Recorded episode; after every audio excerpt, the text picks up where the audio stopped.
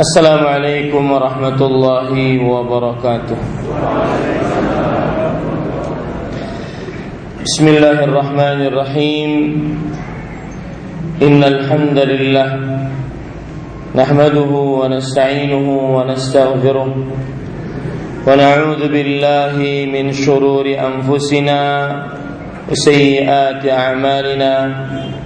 من يهده الله فلا مضل له ومن يضلل فلا هادي له وأشهد أن لا إله إلا الله وحده لا شريك له وأشهد أن محمدا عبده ورسوله. يا أيها الذين آمنوا اتقوا الله حق تقاته ولا تموتن إلا وأنتم مسلمون.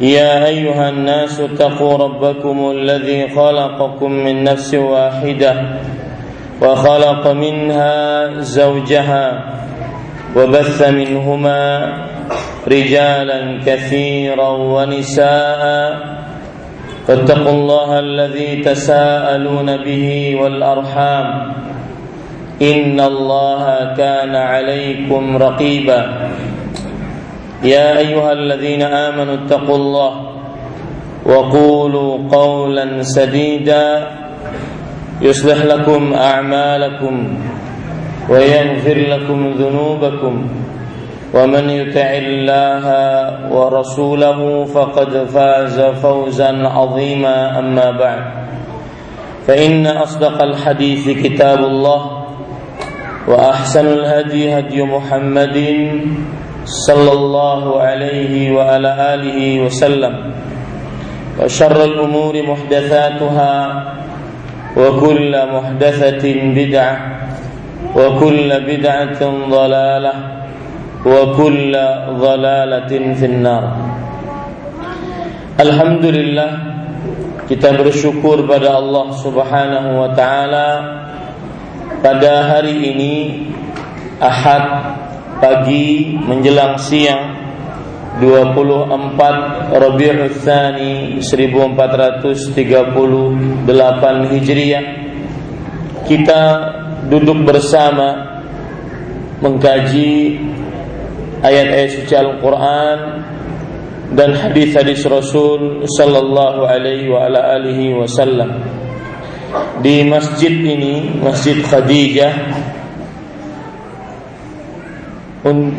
Salawat dan salam semoga selalu Allah berikan kepada Nabi kita Muhammad sallallahu alaihi wa ala alihi wasallam pada keluarga beliau, para sahabat serta orang-orang yang mengikuti beliau sampai hari kiamat kelak. Dengan nama-nama Allah yang husna dan sifat-sifatnya yang mulia kita berdoa اللهم أصلح لنا ديننا الذي هو عصمة أمرنا وأصلح لنا دنيانا التي فيها معاشنا وأصلح لنا آخرتنا التي فيها معادنا واجعل الحياة زيادة لنا في كل خير واجعل الموت راحة لنا من كل شر. Wahai Allah, perbaikilah urusan agama kami yang merupakan benteng diri kami. Dan perbaikilah urusan dunia kami yang di dalamnya tempat tinggal kami. Dan perbaikilah urusan akhirat kami yang di dalamnya tempat kembali kami. Dan jadikanlah kehidupan sebagai tambahan bagi kami dalam setiap amal kebaikan dan jadikanlah kematian sebagai peristirahatan bagi kami dari setiap keburukan. Amin ya rabbal alamin. Para ikhwah yang dirahmati oleh Allah Subhanahu wa taala tema yang kita akan kaji pada kesempatan kali ini berkaitan dengan muamalah yaitu hubungan sosial terutama yang berkaitan dengan hubungan suami istri. Dan tema ini bertemakan seindah doa istri Fir'aun. Yang pertama, poin dari tema ini adalah asas pengambilan tema ini. Dari manakah diambilkan tema ini? Para ikhwan yang dirahmati oleh Allah Subhanahu wa taala, Allah Subhanahu wa taala berfirman di dalam surat At-Tahrim surat ke-66 ayat ke-11 dan surat ke-66 ayat ke-11 inilah asas dari pengambilan tema ini. Seindah doa istri Fir'aun. Ayatnya berbunyi wa daraballahu mathalan lilladzina amanu imra'ata fir'aun id qalat rabbi ibni li بَيْتًا فِي الْجَنَّةِ jannah مِنْ فِرْعَوْنَ وَعَمَلِهِ Wanajjini minal qawmil zalimin. Dan Allah telah membuat perumpamaan Untuk orang-orang yang bertak beriman Yaitu istri Fir'aun. Ketika ia berdoa Wahai Rabbku Bangunlah, bangunkanlah untukku di sisimu sebuah rumah di dalam surga. Dan selamatkanlah aku dari Firaun dan perbuatannya. Dan selamatkanlah aku dari orang-orang yang zalim. Para ikhwah, inilah yang dimaksud dengan doa istri Fir'aun yaitu beliau berdoa Rabbi benili indaka baitan fil jannah. Wahai Rabbku bangunkanlah untukku sebuah rumah eh apa? Bangunkanlah untukku di sisimu sebuah rumah di dalam surga. Dan selamatkan aku dari Firaun dan amalannya dan selamatkan aku dari orang-orang yang zalim. Inilah doa istri Firaun. Dari inilah tema kita kita angkat. Seindah doa istri Fir'aun. Sesudah kita mengetahui poin pertama, asas pengambilan tema ini, maka kita ingin mendudukkan dulu siapa yang dimaksud dengan istri Fir'aun. Siapa yang dimaksud dengan istri Fir'aun? Para ikhwan yang dirahmati oleh Allah Subhanahu wa taala, istri Fir'aun yang dimaksud di sini adalah Asia binti Muzahim. Asia binti Muzahim. Dan sedikit berbicara tentang keistimewaan dari Asia. Di dalam hadis-hadis yang sahih menunjukkan beberapa keistimewaan dari Asia yaitu hadis yang disebutkan oleh Imam Ibnu Hibban di dalam kitab sahihnya dari Anas bin Malik radhiyallahu anhu Rasulullah sallallahu alaihi wasallam bersabda khairu nisa'il alamin Maryam bintu Imran wa Khadijah bintu Khuwailid wa Fatimah bintu Muhammad wa Asiyah imra'atu Fir'aun. Sebaik-baik atau terjemahannya yang paling tepat wanita yang paling terbaik sealam semesta. Karena di situ ada khairu. Khairu artinya akhyaru Artinya paling baik Ini dalam bahasa Arab namanya sighatut tafdhil. Sighat tafdhil atau dalam bahasa Indonesia namanya guru bahasa Indonesia tahu ini. Kata komparatif. Kata yang membandingkan satu dengan yang lainnya yang menunjukkan kepada kelebihan atau paling. Kata sighatut tafdhil atau kata komparatif jika setelahnya adalah jama maka menunjukkan kepada mubalaghah yaitu paling ter.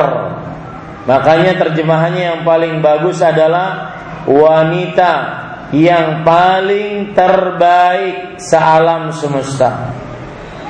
Seperti misalkan juga hadis Rasul sallallahu alaihi wasallam riwayat Bukhari ala unabbiukum bi akbaril kabair Maukah aku beritahukan kepada kalian dengan dosa paling terbesar Akbar adalah sighatut tafdhil dari kabirun Kabirun artinya besar Akbaru artinya lebih besar Kata lebih besar setelahnya ada jamak.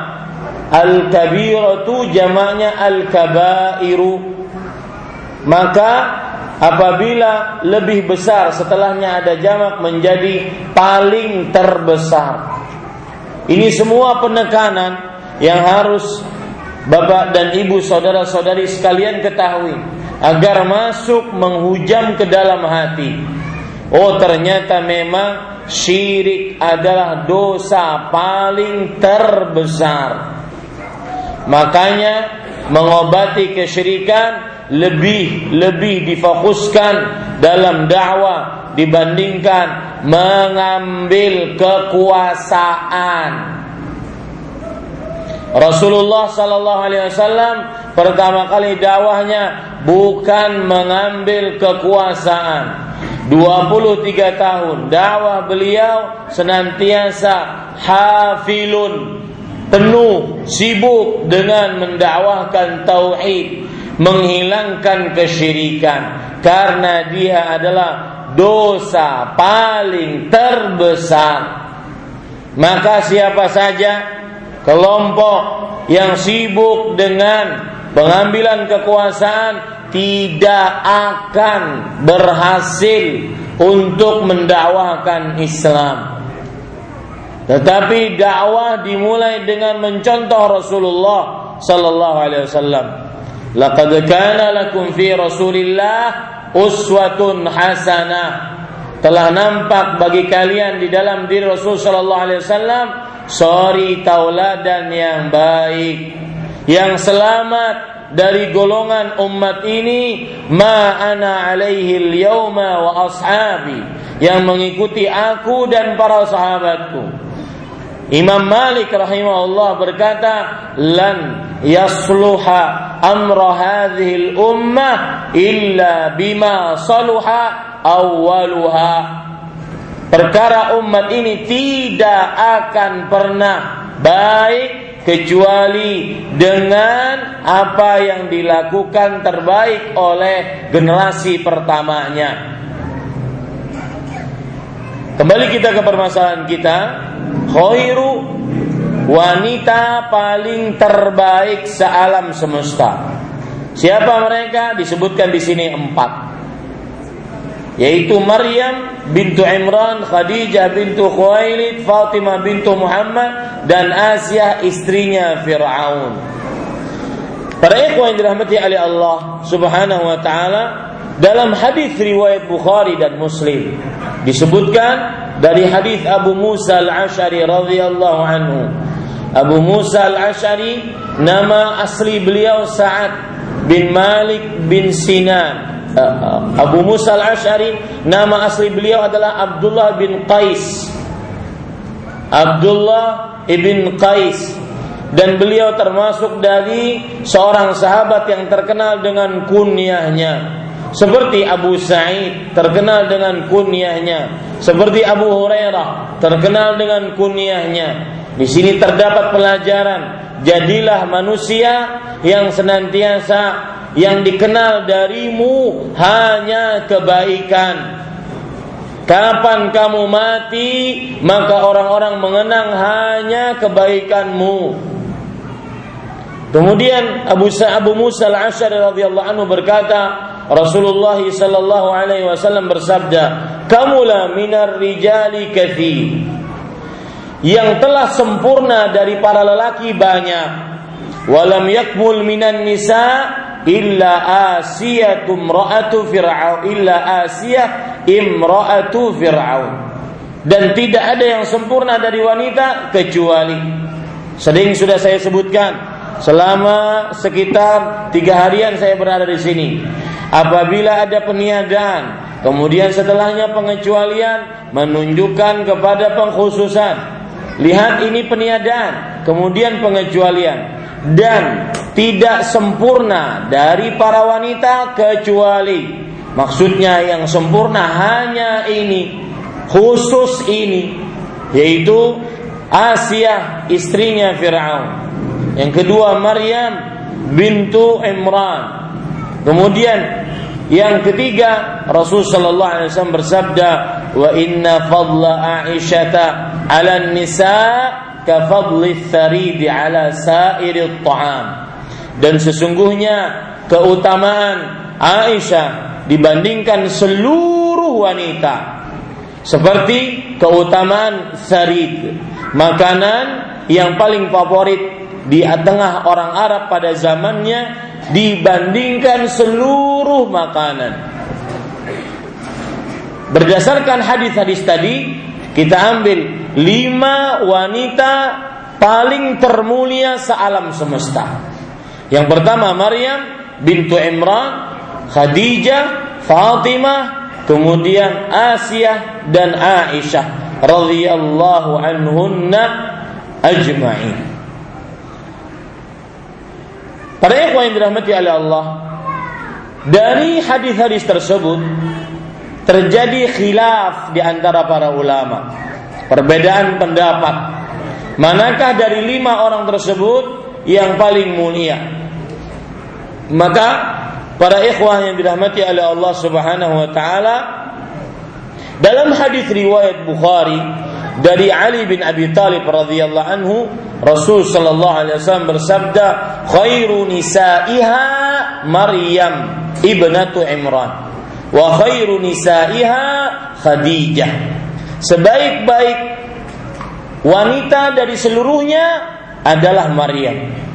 Dan wanita yang paling terbaik dari seluruhnya juga Khadijah. Di sini para ikhwah seakan-akan kalau boleh kita katakan memang terjadi per, perbedaan pendapat di antara para ulama. Akan tetapi semuanya memiliki keistimewaan masing-masing yang tidak dimiliki oleh lainnya. Seperti misalkan antara Khadijah radhiyallahu anha dengan Aisyah radhiyallahu anha. Khadijah memiliki keutamaan yang tidak dimiliki oleh Aisyah. Khadijah beliau adalah penolong agama Islam, penyokong dakwah, pembela dakwah di zamannya yang tidak mungkin dilakukan oleh Aisyah karena Aisyah pada waktu itu belum lahir.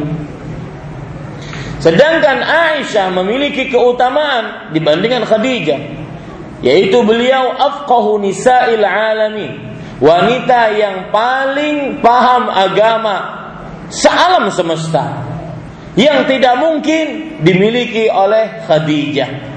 Jadi semuanya memiliki keistimewaan masing-masing dan sering saya ucapkan para ikhwan yang dirahmati oleh Allah Subhanahu wa taala bahwasanya setiap orang memiliki keutamaan masing-masing. Setiap orang memiliki keutamaan masing-masing. Taib para ikhwah yang dirahmati oleh Allah Subhanahu wa taala.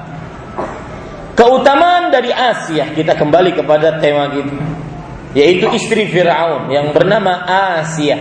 Ingat namanya Asia, bukan Aisyah. Beda antara Asia dengan Aisyah. Salah satu keutamaan dari Asia adalah bahwasanya beliau termasuk orang-orang yang kekal di dalam surganya Allah Subhanahu wa taala.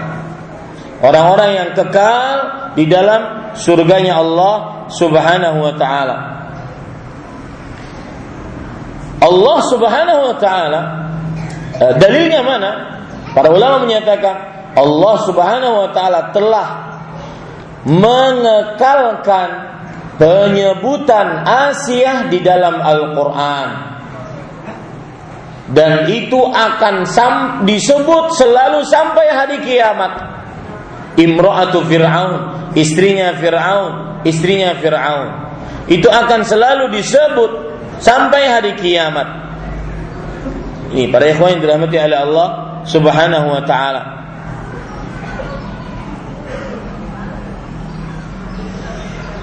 Lihat sebuah hadis yang diriwayatkan oleh Abu Ya'la di dalam kitabnya Al-Musnad dan dihasankan oleh Imam Al-Bani rahimahullah bahwa Abu Hurairah radhiyallahu anhu meriwayatkan anna fir'auna autada limra'atihi arba'at arba'ata autadin fi yadayha wa fi rijlaiha.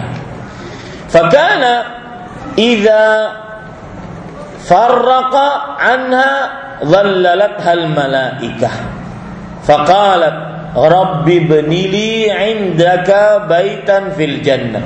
Wa najjini min fir'auna wa amalihi wa najjini min alqaumi adh-dhalimin. Fakashafa laha an baitiha fil jannah. Artinya Abu Hurairah bercerita bahwa Fir'aun mengikat istrinya dengan empat ikatan ada yang mengatakan empat ikatan tersebut seperti disalib, dua tangannya diikat, kemudian kakinya diikat. Ada yang mengatakan tidak seperti disalib, akan tetapi dua tangannya diikat, kemudian ada palang untuk dua kakinya. Diikat. Ya, nanti kenapa diikat saya akan ceritakan. Kemudian para yang dirahmati oleh Allah dan apabila Eh, kemudian diikat setelah itu dijemur di bawah matahari. Apabila sesudah diikat, maka datang malaikat menutupinya. Kemudian setelah itu Asia berdoa kepada Allah. Ya Allah, bangunkan untukmu, untukku di sisimu sebuah rumah di dalam surga dan selamatkan aku dari Fir'aun dan perbuatannya dan selamatkan aku dari orang-orang yang zalim. Ini salah satu keistimewaan dari Asia Imra'atu Fir'aun di dalam hadis-hadis yang sahih. Lihat lagi hadis riwayat Imam Hakim dari Salman Al-Farisi radhiyallahu anhu. Beliau berkata, "Kanat imra'atu Fir'aun tu'adzibu bisyams." فإذا انصرفوا عنها أظلتها الملائكة بأجنحتها فكانت ترى بيتها من الجنة Tadi saya lupa menerjemahkan hadis sebelumnya bahwa ketika setelah berdoa maka kan minta minta rumah di surga. Setelah berdoa maka diperlihatkan untuk Asia rumahnya di surga. Diperlihatkan untuk Asia rumahnya di surga. Nah, Salman Al Farisi radhiyallahu anhu juga bercerita, istrinya Firaun senantiasa selalu disiksa, dijemur di bawah matahari. Jika orang-orang yang menyiksa tersebut pergi dari dia, maka para malaikat akan menaunginya. Kenapa tidak datang malaikat ketika Asia lagi dijemur oleh musuh-musuhnya. Ketika masih ada musuh-musuhnya. Nah, siapa yang bisa menjawab? Nah. Kenapa? Agar dia berdoa. Tidak. Pertanyaan saya, kenapa para malaikat tidak datang menaunginya untuk eh, menaunginya Ketika masih ada musuh-musuh Asia, bala tentaranya Fir'aun yang menjemurnya. Ah, siapa yang bisa menjawab? Ah. Agar semakin tersesat tentara Fir'aun. Tidak. Begini, ketika tentara Firaun pergi kemudian Asia ya mendapatkan naungan dari malaikat kenapa sebelum tentara Firaun ini pergi belum datang naungan malaikat. Karena jawabannya enak banget. Tentara Firaun dinaungi. Paham maksud saya? Ya? Pergi dulu mereka nggak boleh dapat naungan dari Allah Subhanahu wa taala melalui para malaikat. Taib. Hadis itu sahih. Menurut Imam Hakim dan disahihkan juga oleh Imam Az-Zahabi rahimahullahu taala. Kemudian lihat perjuangan istri Firaun lagi. Disebutkan dalam riwayat yang sahih yang diriwayatkan oleh Imam Baihaqi bahwa Abu Rafi' rahimahullah berkata, "Wattada Fir'aunu limra'atihi arba'ata autadin, thumma ja'ala 'ala batniha arahan 'azimatan hatta matat." Artinya Fir'aun mengikat istrinya dengan empat ikatan, dua di tangan di kedua tangannya, dua di kedua kakinya. Kemudian Fir'aun meletakkan batu besar di perutnya sampai mati. Ini siksa Firaun terhadap istrinya. Dan pelajaran yang kita bisa ambil dari cerita ini adalah bahwa beragama pasti akan diuji. Tidak ada orang yang beragama kecuali akan diuji. Allah Subhanahu wa taala berfirman di dalam surat Al-Ankabut ayat 2 sampai 3 ahasiban nas an yutraku an yaqulu amanna wa hum la yuftanun walaqad fatanna alladhina min qablihim fala ya'lamanna Allahu alladhina sadaqu wa apakah manusia mengira bahwasanya mereka dibiarkan untuk mengucapkan kami telah beriman dan mereka belum diuji Sungguh orang-orang sebelum mereka diuji oleh Allah Subhanahu wa taala sehingga Allah benar-benar mengetahui siapa yang mereka jujur dalam imannya dan siapa yang berdusta dalam imannya. Ini sekitar tentang cerita istri Firaun. Cerita istri Firaun. Kalau kita buka para ikhwan yang dirahmati oleh Allah tafsir dari ayat tadi. Surah At-Tahrim ayat 11. Bagaimana tafsirannya? Saya akan membukakan tiga kitab tafsir. Tafsir Imam Ibn Kathir, Imam Ibn Jarir At-Tabari, kemudian tafsir As-Sa'di. Apa yang kita bisa ambil dari tiga tafsir tersebut? Jadi, poin yang pertama adalah asas pengambilan tema ini yaitu surat At-Tahrim ayat 11. Poin yang kedua keutamaan-keutamaan Asia, istrinya Fir'aun alaihassalam. Dan beberapa pelajaran yang kita bisa ambil dari uh, keutamaan beliau tersebut. Kemudian yang ketiga, sekarang yang kita lakukan pembacaan tafsir-tafsir dari ayat tersebut.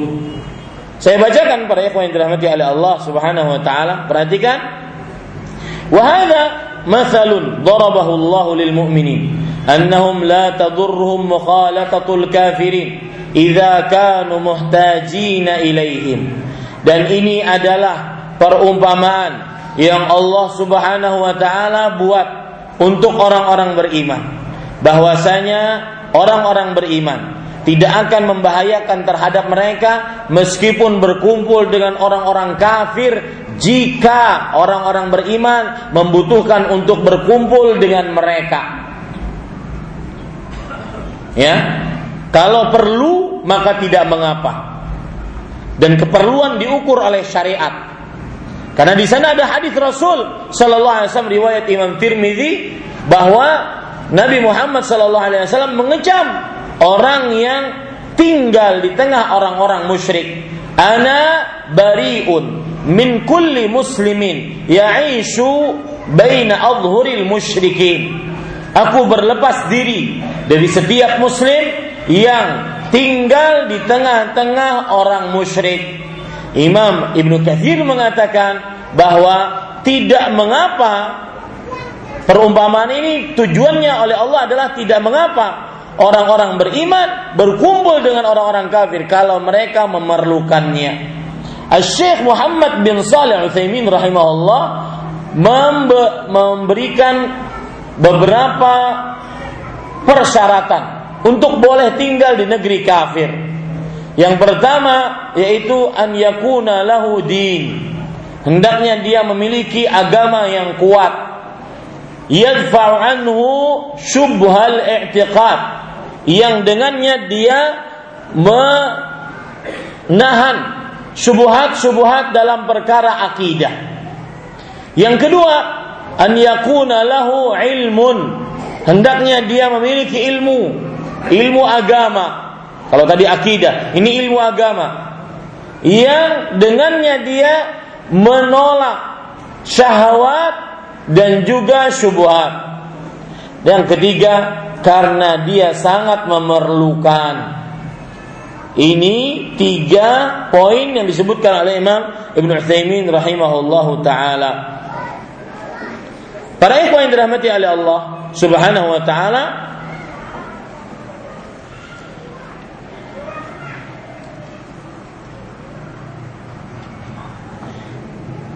Kita baca lagi tafsiran Imam Nukathir rahimahullah. Beliau mengatakan kama qala ta'ala. Sebagaimana firman Allah Subhanahu wa taala, "La yattakhidhul mu'minuna al-kafirina awliya'a min dunil mu'minin. Wa man yaf'al dzalika falaysa minallahi fi syai'in illa an tattaqu minhum tuqah." Sebagaimana firman Allah Subhanahu wa taala dalam surat Ali Imran ayat 28. Orang-orang beriman tidak diperbolehkan mengambil orang-orang kafir sebagai kawan dekat dan meninggalkan orang-orang beriman. Barang siapa yang melakukan hal itu, maka Allah Subhanahu wa taala tidak akan memberikan sesuatu apa pun kepadanya kecuali orang-orang yang kalian takuti dari mereka sesuatu ya kalau seandainya ada sesuatu ditakuti maka pada saat itu ada kebutuhan untuk bergaul dengan mereka. Lihat sekarang penjelasan dari Imam Qatadah bin Da'ama Sadusi rahimahullah. Ulama tafsir di kalangan tabi'i muridnya Anas bin Malik radhiyallahu anhu. Karena Fir'aun a'ta ahli al-ard. Fir'aun adalah makhluk bumi yang paling zalim wa ab'adahu dan paling jauh dari Allah. Fa wallahi ma darra imra'atuhu kufra zawjiha. Demi Allah, maka tidak berbahaya kepada istrinya meskipun suaminya kafir hina ata'at rabbaha ketika dia taat kepada Rabbnya lita'lamu anna Allah hakamun adl agar kalian mengetahui bahwa Allah itu maha bijaksana dan maha adil. La yu'akhidhu ahadan illa bidzambih. Nah, ini penting. Ini faedahnya. Bahwa seseorang tidak akan diambil dosa, dicatat sebuah dosa kecuali dosa yang dia lakukan. Asia bersama Fir'aun. Fir'aun orang kafir. Bahkan bukan hanya sekedar kafir. Dia mengaku Tuhan. Asia di bawahnya di bawah naungan Fir'aun, di bawah kuasa Fir'aun. Meskipun demikian, maka Allah Subhanahu wa taala Maha bijaksana dan Maha adil. Allah tidak menulis dosa atas Asia. Ya, ma imra'atu kufra zawjiha. Tidak berbahaya bagi istri Fir'aun meskipun suaminya kufur. Kenapa? Ini pelajaran penting bahwa seseorang tidak akan ditulis dosa kecuali atas dosanya. Persis seperti firman Allah di dalam Al-Qur'an, "Wa anna laisa lil insani illa ma sa'a." Artinya, dan manusia tidak akan mendapatkan sesuatu kecuali apa yang dia usahakan. Sebutkan dalam surah An-Najm sur, uh, ayat ke-39. Dan ayat ini An-Najm ayat ke-9 sedikit membicarakan masalah fikih. Madhab Syafi'iyah dengan ayat ini menyatakan bahwa seluruh amalan tidak bisa diberikan kepada orang lain. Pahalanya tidak bisa ditransfer kecuali yang ada dalilnya. Ya, seperti misalkan amalan membaca Al-Qur'an. Tidak bisa seseorang seorang anak baca Al-Fatihah, baca surat Yasin. Kemudian dia berikan kepada bapak atau ibunya atau kerabatnya yang sudah meninggal pahalanya. Bahkan kadang-kadang nyumbang ke masjid 5000 tolong bacakan Al-Fatihah. Disebutkan namanya.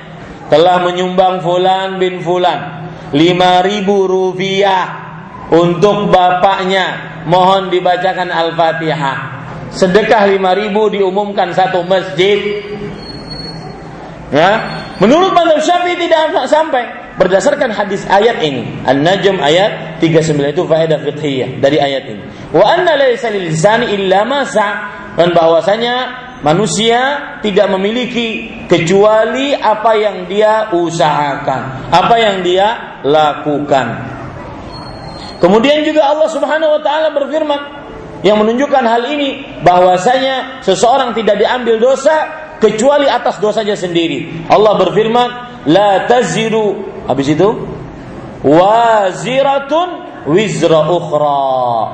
Artinya dosa tidak ada yang menanggung eh, seseorang tidak ada yang menanggung dosa orang lain. La taziru waziratun wizra ukhra. Surat Fatir ayat 18. Ini faedah menarik dari tafsir Imam Ibnu Katsir terhadap cerita Asia.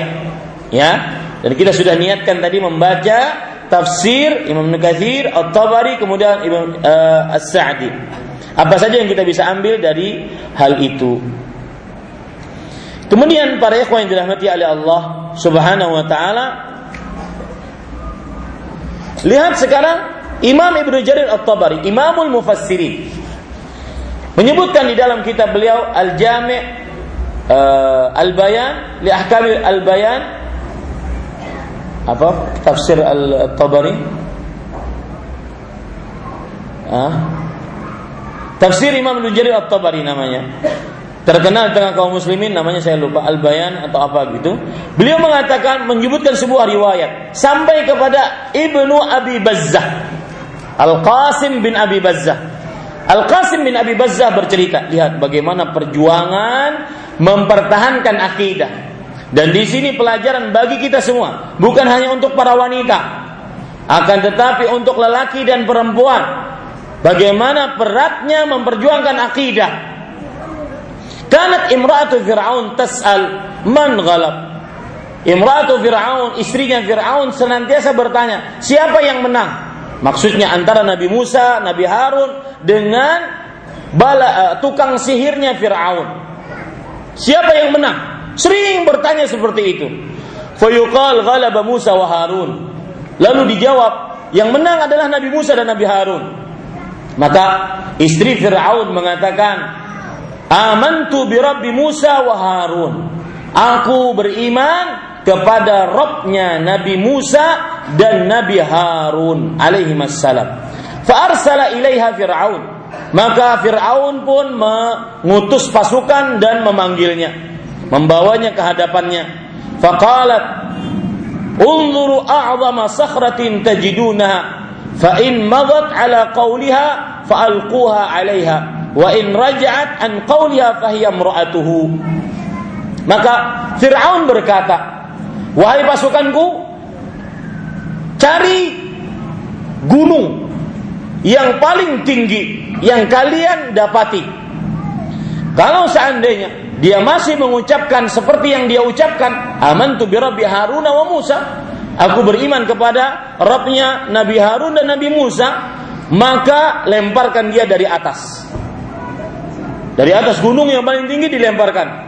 Kalau wa in raja'at, kalau seandainya dia kembali dari perkataannya, dia tarik lagi ucapannya an qauliha fahiya Maka berarti dia masih sebagai istri Firaun. Falamma atauha rafa'at basaraha ila basaruha rafa'at basaraha ila sama. Fa absarat baitaha fil jannah. Ketika mereka mendatangi gunung tinggi tersebut, maka akhirnya Asia mengangkat kepalanya ke langit. Lalu dia melihat rumahnya di dalam surga. Famadha ala qawliha maka dia tetap mengucapkan sebagaimana yang dia ucapkan tadi sebuah keyakinan teguh. Amantu bi Rabbi Harun wa Musa. Aku telah beriman kepada Rabbnya Nabi Harun dan Nabi Musa. Wan tuzi'a ruhuha. Lalu dicabut ruhnya. Sebelum dilempar dicabut dulu ruhnya. Wa ulqiyatis sakhratu ala jasadin laisa fiha fihi ruh. Maka akhirnya dilemparkan dari atas dan menimpa batu batu menimpa jasadnya atau jasad menimpa batunya di atas jasad yang tidak ada ruhnya. Ini yang disebut oleh Allah Subhanahu wa taala di dalam surat Fussilat, dalam surat Al-Ahqaf, innal ladzina qalu rabbuna Allah tsumma istaqamu. Sesungguhnya orang-orang yang mengucapkan Rabb kami adalah Allah, kemudian dia istiqamah sampai akhir hayat. Bagaimana firman Allah, wa'bud rabbaka hatta ya'tiyakal yaqin. Tatanazzalu alaihimul malaikah. Alla takhafu wa la tahzanu wa abshiru bil jannati allati kuntum tu'adun. Maka turunlah para malaikat memberikan kabar gembira, jangan kamu takut. Nah, jangan kamu sedih. Apa makna? Jangan kamu takut, jangan kamu sedih. Kita merojaah pelajaran sebelumnya. Angkat. Yang belum pernah datang ke sini dari yang angkat tangan. Hah? Yang belum pernah melihat saya di TV, di YouTube, belum pernah, baru sekali melihat saya. Angkat tangan. Belum pernah, Pak? Belum pernah. Tahu jawabannya, Pak? Apa pertanyaannya tadi kita? Lupa saya. Hah? Ya, apa maksud ketika Allah berfirman, jangan takut dan jangan bersedih. Sering tuh Pak di dalam Al-Qur'an, la khaufun alaihim wa lahum yahzanun. Apa maksudnya, Pak? Bapak menjawab, saya kasih hadiah, minyak wangi. Hah? Enggak tahu. Jazakallahu khairan. Jawaban yang sangat indah.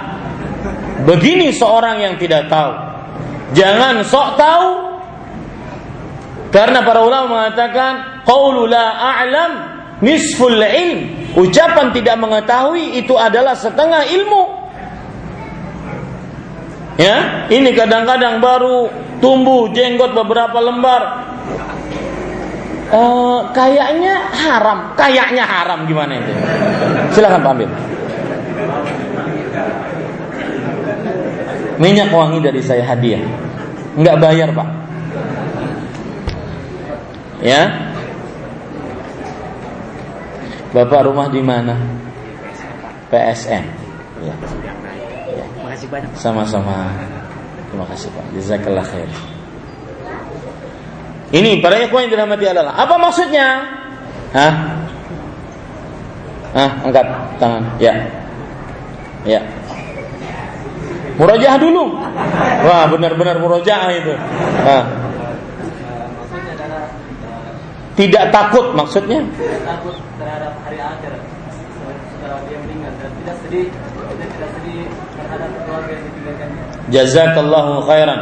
Barakallahu fiik. Liyahnikal ilm. Semoga engkau mendapatkan ilmu yang bermanfaat. Maka pada ikhwan yang dirahmati oleh Allah, begini orang-orang yang beriman, kokoh keimanannya. Dan ini pelajaran menarik. Kalau itu tadi Asia mempertahankan akidahnya, maka kita pun dalam kehidupan sehari-hari bisa kita praktekkan ini. Ada praktek-praktek yang menyimpang dari agama, kalau kita kerjakan, maka kita akan mendapatkan dunia. Maka bagi kita, lah, enggak. Saya lebih taat kepada Allah. Ya, kenapa? Karena saya tidak akan pernah takut dan tidak akan pernah sedih kalau taat kepada Allah. Saya beri contoh dalam kehidupan sehari-hari. Seorang pedagang di sini di kota Makassar. Pedalaman Sulawesi Selatan apa? Hah? Apa? Paling ujung. Hah? Layar. Selayar. Ya, pokoknya paling pedalaman situ. Datang dia ke Makassar. Anda jualan jualan baju atau jualan material atau jualan makanan. Orang datang dari kampung ke kota untuk membeli barang. Dia datang kalau sudah datang per tiga bulan. Kalau datang membeli barang kita di toko hampir setengah dari barang kita dia beli. Belinya dalam keadaan cash tanpa ngutang. Cuma masalahnya dia datang pas hari Jumat lagi imam naik ke atas mimbar. Nah, Bapak kalau jadi pedagang itu pilih mana? Sholat Jumat atau melayani pedagang. Eh pe, pe, pembeli. Hah? cash. Langsung. Beli barang setengah toko dibeli sama dia. Kemudian datangnya per tiga bulan. Kalau tidak dilayani Pak, tunggu ya Pak, habis subuh habis Jumatan nanti. Enggak, dia akan pindah ke toko lain. Hah, pilih mana? Pertanyaan saya, Jumatan atau melayani pembeli? Jumatan. Yakin. ya. Kalau ya, ada lagi yang licik. Suruh istri yang jualan, Ustaz. Itu licik gaya-gaya Yahudi ya kalau seandainya istri yang jualan belinya harus harus e, perempuan karena memang perempuan tidak diwajibkan untuk sholat Jumat. Yang jelas, begitu dalam kehidupan kita sehari-hari. Mempertahankan akidah, mempertahankan yang halal, meskipun kadang-kadang dapat sedikit dunia. Karena memang ukuran kita bukan dunia. Ukuran kita adalah bagaimana selamat masuk surga di akhirat sebagaimana Fir istrinya Firaun Asia. Ini berarti kita ambil pelajaran yang selanjutnya bahwa dari kisah Asia mempertahankan hukum Allah mendatangkan kebahagiaan dan husnul khatimah. Itu pelajaran menarik. Lihat Asia radhiyallahu anha alaihi salam. Beliau tidak ma, tidak meninggal dalam keadaan dilempar terkena sakit enggak, dicabut dulu nyawanya, ruhnya. Baru setelah itu meninggal. La khaufun wala hum yahzan. Jangan takut, tinggalkan yang haram, jangan takut. Lawang orang bermaksiat saja masih dirahmati oleh Allah. Bagaimana orang yang ingin keluar kepada maksiat dan ingin bertobat dari yang haram? Paham maksud saya? Jangan takut. Ya, Ustaz nanti kalau nggak menipu, nggak mau oplos memasukkan, nggak mengurangi takaran timbangan, rugi. Maka saya tantang orang-orang yang seperti ini, Anda untung berapa dari mengoplos memasukkan, kemudian e, menipu, kemudian mengurangi takaran timbangan, untung berapa di dunia? Itu para koruptor yang sekarang di penjara, untung berapa? Korupsi terbesar di Indonesia berapa triliun? Ada yang suka baca-baca uh, apa? Politikus? Hah? ada? Berapa? Berapa? 64 6,7 triliun. 6,7 triliun. Dibanding surga sedikit sangat sedikit Pantas Allah Subhanahu wa taala menyebutkan numatti'uhum qalilan. Itu pun 6,7 triliun dikejar-kejar Interpol, makan nggak bisa. Ya, mau nonton golf nggak bisa. Dan semisalnya. Nggak tenang hidupnya. Coba dahulukan syariat Allah dijamin surga. Yang surga paling rendahnya adalah Allah Subhanahu wa taala mengatakan kepada orang yang masuk ke dalam surga yang paling terakhir. Paling terakhir masuk surga, paling terakhir keluar dari api neraka. Kata Allah Subhanahu wa taala, "Udkhulil jannah." Masuk engkau ke dalam surga. Ketika dia masuk, dikhayalkan kepada dia surga annaha mal'a, surga penuh. kemudian dia kembali kepada Allah, "Ya Rabb, kaif? Waqad akhadha an-nasu manazilahum wa akhadhu akhazati." Ya Allah, bagaimana aku bisa masuk surga? Orang-orang sudah mengkapling surga, mengambil tempatnya masing-masing di surga, penuh surga. Maka Allah Subhanahu wa taala mengatakan, "Udkhulil jannah." Masuk engkau ke dalam surga. Kemudian Allah berkata, "Tamanna." Lihat, tiga huruf ini. Tamanna yang artinya berangan-anganlah penghuni surga paling terakhir, paling rendah derajatnya di surga, disuruh oleh Allah Subhanahu wa taala nikmatnya berangan-angan. Angan-angankan yang dia ingin dapatkan. Tamanna, maka Anda ketika ada di dalam hati Anda bergejolak, saya pilih ini taat kepada Allah, tapi sedikit dunianya, bahkan mungkin gak dapat. Saya pilih ini tidak taat kepada Allah, tapi dunianya besar, maka ajukan yang kanan, yang taat kepada Allah. Ingat tamanna, kita disuruh berangan-angan. Silahkan engkau angan-angankan. Apa saja yang ingin engkau akan dapatkan. Makanan, minuman, pakaian, rumah, transportasi, apa saja. Tamanna.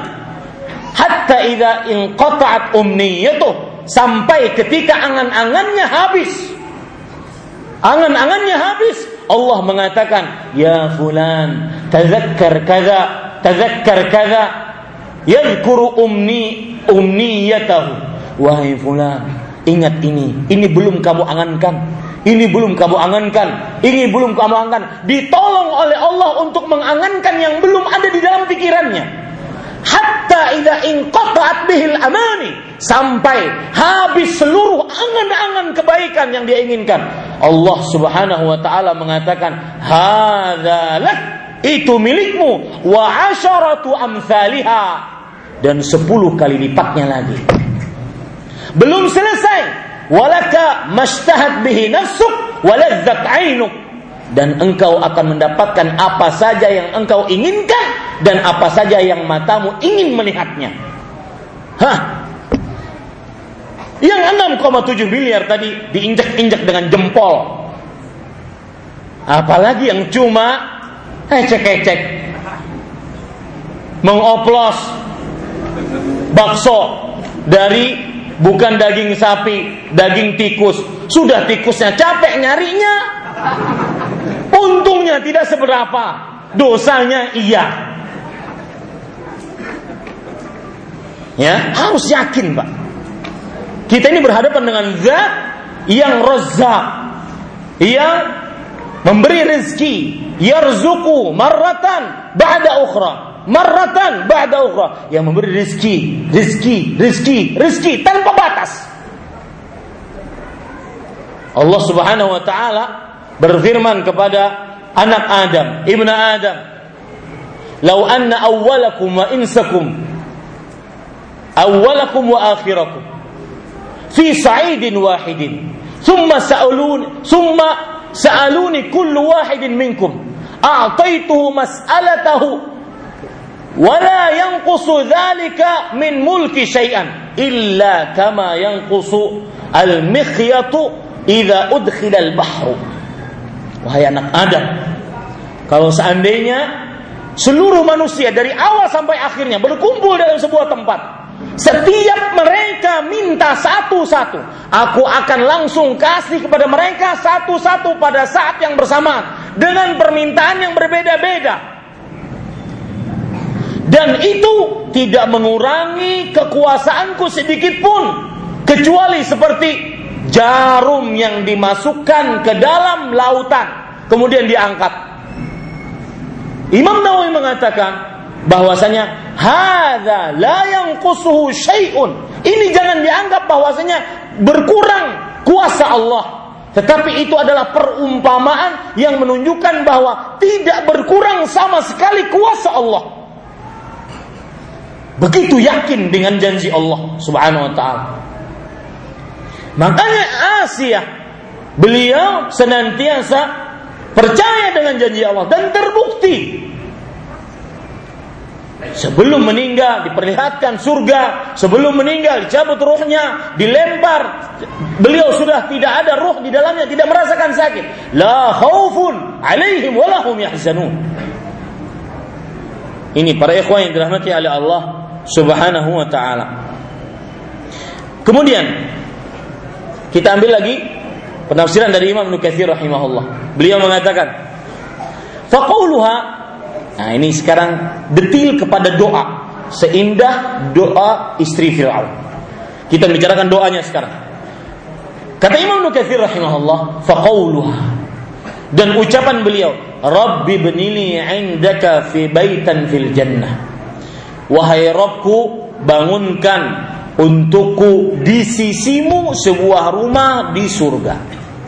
Kata Imam Ibnu Katsir rahimahullah, qala al-ulama'u ikhtaratil jar qabla ad-dar. Yaitu Nabi uh, Asia memilih tetangga dahulu sebelum membuat rumah. Nah, ini pelajaran ketika kita ingin membuat rumah, pilih tetangganya dulu Lihat tetangga dekat masjid tidak sebelum membuat rumah. Ikhtaratil jar qabla dar. Kemudian para ikhwan yang dirahmati oleh Allah Subhanahu wa taala. Imam Imam Ibnu Katsir mengatakan wa qad warada syai'un min dzalika fi haditsin marfu' dan telah terdapat riwayat akan hal itu di dalam hadis yang diangkat sampai kepada Nabi Muhammad sallallahu alaihi wasallam. Para ikhwah, di sini terdapat pelajaran. Kata-kata Rabbi benili indaka baitan fil jannah. Dan tentunya ini boleh dibaca doa kita. Ya, doa minta rumah di surga. Ya, nanti ada faedah di sini. Kita ingin kupas doa ini satu-satu dulu. Kata Rob, Rob sering dipakai di dalam Al-Quran Memakai kata-kata ketika berdoa Rob. Seperti apa para ikhwah? Rabbana atina fid dunya hasanah wa fil akhirati hasanah wa qina adzabannar. Di dalamnya di depannya kata Rabbana. Yang lain lagi apa? Rabbana min hablana min ladunka rahmah wa hayyi lana min amrina rasyada. Surah Al-Kahfi. Yang lain lagi apa? Rabbana la tuzigh qulubana ba'da idh hadaitana wa hab lana min ladunka rahmah innaka antal wahhab. Surat Ali Imran. Rabb semua. Ada yang lain? Rabbi habli minas salihin. Rabbi la tadharni farda wa anta khairul warithin.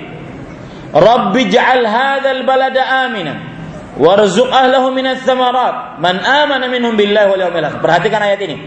Ini sedikit menyimpang. Ini penyakit saya dalam kajian begini, Pak. Ada ayat lewat di kepala saya, kemudian ada faedah, saya menyimpang jauh nanti baru kembali lagi.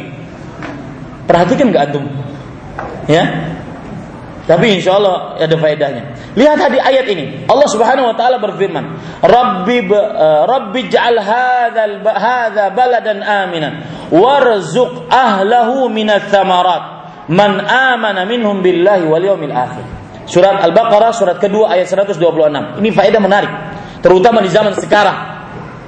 Wahai dan ingatlah ketika Nabi Ibrahim berdoa, Rabbi ja'al hadza baladan amina. Ya Allah jadikan negeri ini, negeri mana itu? Mekah, negeri yang aman dan berikan kepada penduduknya dari buah-buahan. Para ulama mengatakan di sini ya dulu ala ahammiyatil amn Lianna Ibrahim alaihissalam talaba minallahil amna qabla rizq wala ya'ti rizq illa bil am. Di sini terdapat pentingnya keamanan. Nih perhatikan, yang ingin revolusi, seenaknya revolusi. Ya, perhatikan ini. Keamanan itu penting. Dan Berikan dan jadikanlah negeri ini yang aman. Ya. Di sini terdapat, terdapat pentingnya keamanan dan Nabi Ibrahim minta keamanan sebelum minta rezeki dan tidak akan datang rezeki kecuali dalam keadaan aman. Wallahi Pak saya melihat tahun 98 di kota saya di Banjarmasin. Orang kaki sudah tidak ada mosi kepercayaan terhadap pemerintah Ya, perhatikan nih yang sering-sering merendahkan pemerintah. As-sam'u wa ta'ah, Taat dan patuh ya akhi. Itu ajaran kau, ajaran ahlu sunnah wal jamaah. Taat dan patuh. Ma, malam yu'mar bimaksiyah. Selama tidak diperintahkan untuk bermaksiat. Perhatikan para ikhwan yang dirahmati oleh Allah Subhanahu wa taala. Sudah tidak ada mosi kepercayaan lagi terhadap pemerintah, tidak ada lagi petugas keamanan, orang seenaknya menjarah. Beca membawa kulkas. Betul, saya lihat dengan mata kepala saya. Ini para ikhwah, beca bawa TV, beca bawa macam-macam. Ini para ikhwah yang dirahmati oleh Allah. Maka perhatikan keamanan. Para ulama mengatakan boleh memberontak tatkala ketika pemerintah indakum minallahi bahwa pemerintah melakukan kekafiran yang nyata dengan dalil dari Al-Quran dan Sunnah. Bahwasanya dia kafir nyata. Itu pun ada syarat lagi. Harus mempunyai kekuatan itu pun ada syarat lagi disebutkan oleh para ulama. Harus melihat kira-kira mendatangkan manfaat atau mudarat lebih besar. Enggak semudah orang membalik telapak tangan, wahai saudaraku. Bisa dipahami ini? Ini para ikhwan yang dirahmati oleh Allah Subhanahu wa taala. Dan tugas kita sekarang memperbaiki diri. Wallahi tidak ada yang kita bisa lakukan untuk memperbaiki kepemimpinan kecuali dengan memperbaiki diri. Kama takunu yuwalla alaikum. Sebagaimana kalian berbuat seperti itu pemimpin kalian. Pemimpin adalah cerminan rakyatnya. Rasulullah SAW bersabda dalam hadis riwayat Imam Ibnu Majah, "Walam tang walam yang kusul mikyal wal mizan illa ukhidhu bis sinin." Wa syiddatil mauna wa sultani alaihim. Ya Allah hadis seperti matahari di siang bolong dan tidaklah kalian mengurangi takaran timbangan menipu di dalam jual beli mengoplos memalsukan kecuali kalian akan paceklik kekeringan. Barang-barang mahal persis terjadi. Dan kezaliman pemimpin terhadap kalian. Ini para ikhwah. Begini ahlus sunnah, akidahnya tidak akan pernah berubah. Tidak akan pernah berubah. Karena dia berpegang kepada Al-Quran dan hadis yang tidak akan pernah berubah. Ini para ikhwah yang dirahmati oleh Allah subhanahu wa ta'ala. Lihat lagi Rabbi, Rabbi di sini kata Rob pada ikhwah itu eh, anggap sampingan tadi ya. Kembali kita kepada Rob. Di dalam Al-Quran sering ada kata-kata Rob untuk doa. Di dalam hadis sering ada kata-kata Allahumma. Allahumma inni as'aluka ilman nafi'an Allahumma inni as'aluka al-huda Allahumma hdini wa saddidni Allahumma Apa bedanya? Kenapa di dalam Al-Quran sering memakai kata Rob untuk doa Sedangkan di dalam hadis memakai Allahumma. Maka para ulama menjelaskan bahwa Rob sering digunakan di dalam Al-Quran karena Al-Quran adalah kalamullah dan kalamullah adalah sifat Allah yang agung maka berdoa seorang makhluk dengan kalam Allah pun menggunakan keagungan yaitu kata-kata Rob. Nah, begitu jawabannya. Saya ulangi yang belum mencatat bahwa Al-Quran adalah kalamullah dan kalamullah adalah sifat Allah yang agung. Maka ketika berdoa menggunakan kata yang menunjukkan pengagungan Allah, yaitu apa? Rob. Begitu. Sedangkan Allahumma adalah berasal dari ucapan makhluk Nabi Muhammad SAW. Maka seorang makhluk paling pantas untuk menghambakan diri kepada Allah, maka lebih pantas untuk memakai kata-kata Allahumma yang arti Allahumma adalah ya Allah. Artinya wahai Allah. Ini para ikhwan yang dirahmati oleh Allah Subhanahu wa taala. Kemudian di sini disebutkan bangunkanlah untukku di sisimu. Di sini terdapat dua pelajaran kata-kata di sisi. Pelajaran pertama yang berkaitan dengan indaka dan makanya saya pesan para ikhwah. Ini saya lihat masih sedikit yang membawa modal ketika uh, ikut berjihad di medan ilmu ya yang membawa pena, yang membawa mushaf terjemah harus bawa modal.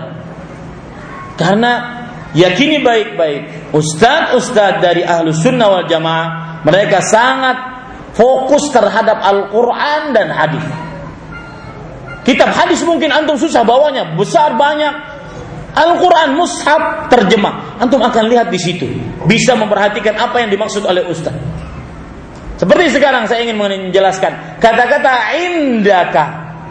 Ya Allah, Robku, bangunkan untukku di sisimu. Kata-kata di sisimu indaka, di situ ada dua faedah. Yang pertama, indaka yaitu maksudnya adalah di sisimu.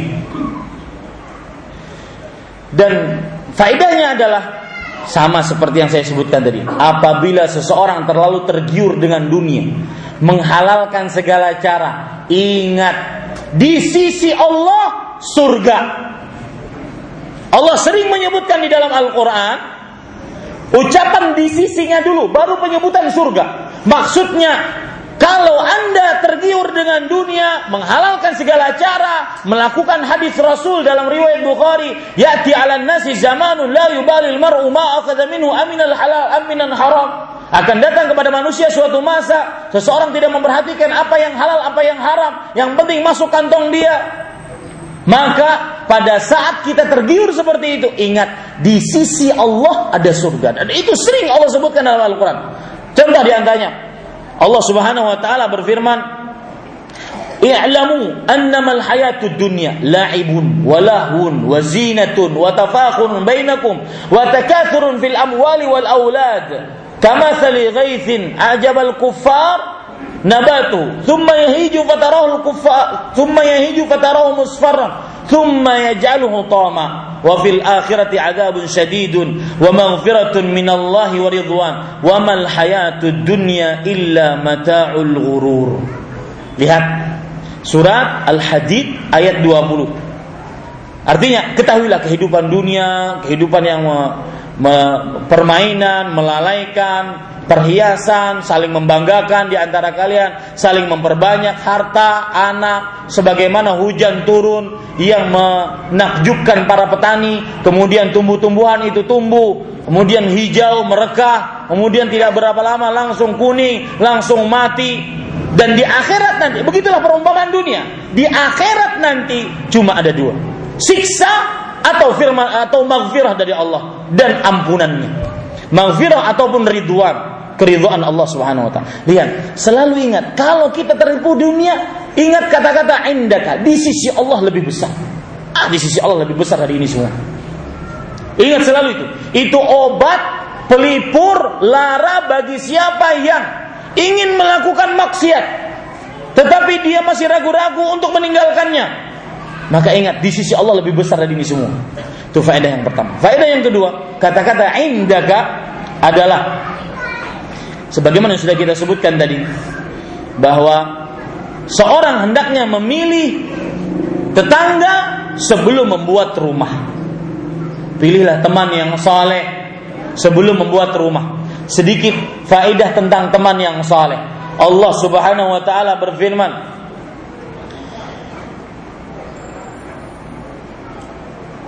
di dalam Al-Quran tentang keistimewaan teman yang saleh. Perhatikan surat Asy-Syu'ara ayat 100 sampai 101. Ini perhatikan Pak. Cari kawan-kawan yang kita cintai karena Allah. Yang kita berkumpul karena Allah, berpisah karena Allah. Saya mengawaninya bukan karena saya dapat komersil dunia. Saya mengawaninya bukan karena dia adalah kawan kolega saya berdagang. Enggak. Kawan yang benar-benar karena Allah. Lihat Allah berfirman di dalam Al-Qur'an surat uh, ayat berapa tadi? 100 101. Fama lana min syafi'in wala sadiqin hamid. Artinya, maka kata orang-orang kafir, nanti kami di hari kiamat tidak ada yang memberikan syafaat. Tidak ada teman dan tidak ada teman dekat.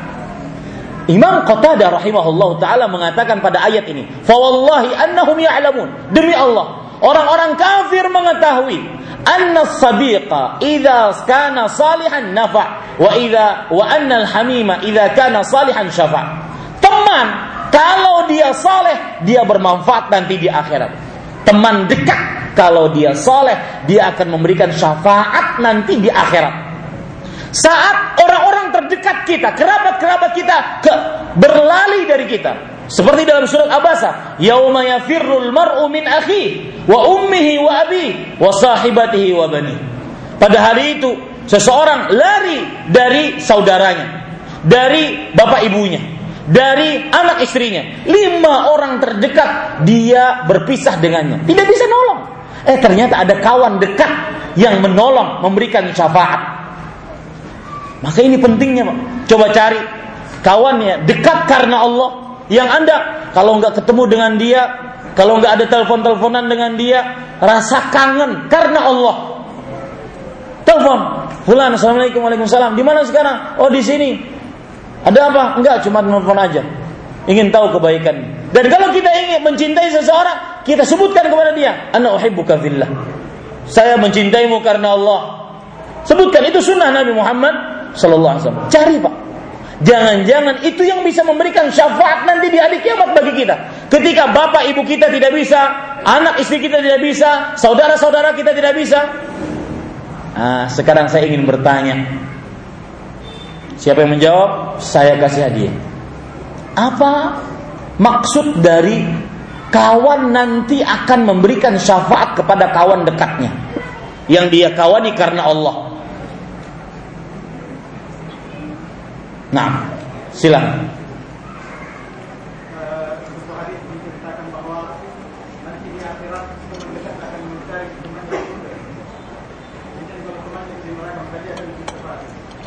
Sebuah hadis menyatakan bahwa nanti di akhirat teman dekat akan mencari kawannya.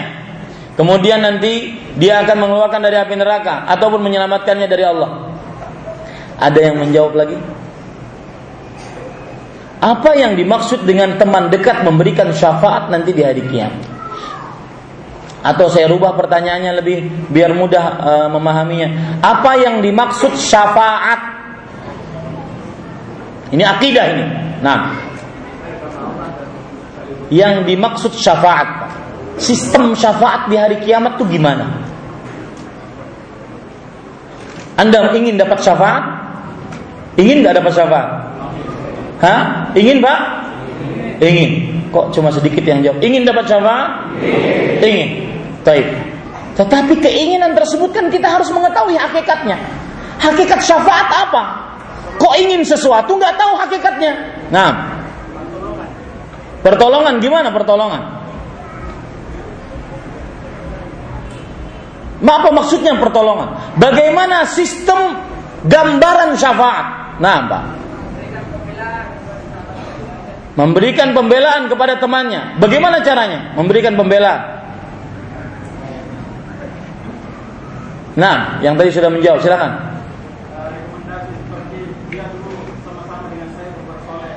Dia dulu sama-sama dengan saya berbuat soleh. Taib. Jazakallahu khairan yang sudah menjawab. Semuanya salah.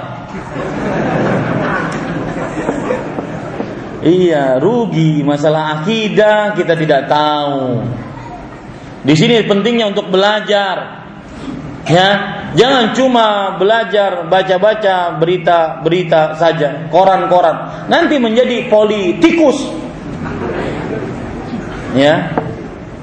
Maka para ikhwan yang dirahmati oleh Allah Subhanahu wa taala, perhatikan. Syafaat pengertiannya adalah su'alullahi at-tajawuz 'anil ghair meminta kepada Allah agar orang lain diampuni. Itu mekanisme syafaat. Garis bawah itu baik-baik. Syafaat Rasulullah berarti bagaimana mekanismenya? Ada Allah, ada Rasulullah, ada orang yang diberikan syafaat. Nanti Rasulullah datang kepada Allah, "Ya Allah, ampuni si fulan." Doa Rasulullah kabul tidak? Permintaan Rasulullah dikabulkan oleh Allah tidak? Itu indahnya syafaat Rasulullah sallallahu alaihi wasallam. Begitu mekanisme syafaat. Minta untuk orang lain agar diampuni oleh Allah Subhanahu wa taala. Itu pengertian syafaat. Nah, teman memberikan syafaat. Teman ini nanti ketika diizinkan oleh Allah dia datang kepada Allah. Ya Allah, itu teman saya, ampuni dia. Indah tidak, Pak? Indah. Saat kita mungkin merasa tidak ada yang menolong, oh ternyata ada kawan dekat. Ini faedah dari kata-kata indaka. Dan itu bisa terjadi kepada keluarga. Kita mencintai istri kita karena Allah, istri kita mencintai kita karena Allah, bukan hanya karena asas kelezatan berhubungan, tidak. Tetapi karena bisa saling tolong menolong dalam kebaikan yang akan saya jelaskan nantinya. Kapan Ustaz jelaskan? Udah jam 11 ini waktunya. Ya, ini para ikhwan yang dirahmati oleh Allah Subhanahu wa taala. Baik, kemudian para ikhwan yang dirahmati oleh Allah, perhatikan di sini baitan. Di sini faedah. Ini faedah yang terakhir dari doa ini, baru kita kepada masalah keluarga setelah ini. Baitan. Baitan di sini dalam bentuk nakirah dan nakirah belum jelas apa dan siapanya, berarti umum dia, rumah apa pun di surga.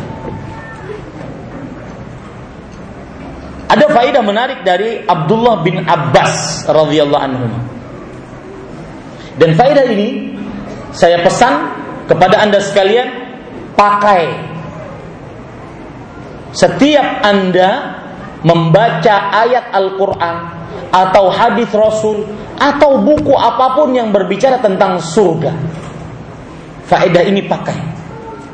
Sebagian orang tidak tertarik masuk surga gara-gara tidak memahami faidah ini. Saya beri contoh. Wahai fulan, ada hadis Rasul yang berbunyi, "Iqra wartaqi warattil kama kunta turattil fid dunya, fa inna manzilaka 'inda akhir ayatin taqra'uha." Nanti di hari kiamat orang-orang akan dikatakan kepada dia, "Wahai fulan, bacalah sesuai dengan hafalanmu." bacalah dengan tartil dengan pelan-pelan sesuai dengan tajwid dan makhrajnya. Bacalah bacalah. Setiap ayat yang kau baca akan meninggikan derajatmu di surga. Satu ayat satu derajat. Satu ayat satu derajat. Kalau hafalannya cuma surat yang di dalamnya di depannya cuma kul tiga surat yang di depannya kul Qul huwallahu ahad, qul a'udzu birabbil falaq, qul a'udzu birabbin nas. Maka itu berarti cuma sekian dia pahalanya. Tambah surat paling favorit Inna Ataina. Itu pun warisan SD. Ketika ditanya, "Wahai fulan, umurmu berapa?" 40, 50, Ustaz. Berapa hafalan Qur'annya? Ya itu itu saja Ustaz. Empat surat itu paling maksimal Ustaz. Loh, Selama ini kamu ngapain di dunia? Di mana aja? Ada saya Ustaz. Di Sudiang ada. Ah, enggak, kamu ngapain? 40 50 tahun, hafalannya cuma segitu-gitu toh. Maka orang tersebut nanti ketika dia naik, naik, naik, sesungguhnya kedudukannya di surga sesuai dengan ayat yang dia baca dan dia hafal. Orang ini berkata, Ustaz saya nggak mau kalau begitu menghafal Quran. Loh, kenapa? Karena saya ini di dunia takut fobia ketinggian. Orang ini tidak paham surga, maka ini faedahnya. Ketika Asia berdoa, wahai Robku bangunkan untukku sebuah, de, untukku di sisimu sebuah rumah di surga. Jujur pak, saya ingin bertanya, ya, ingin bertanya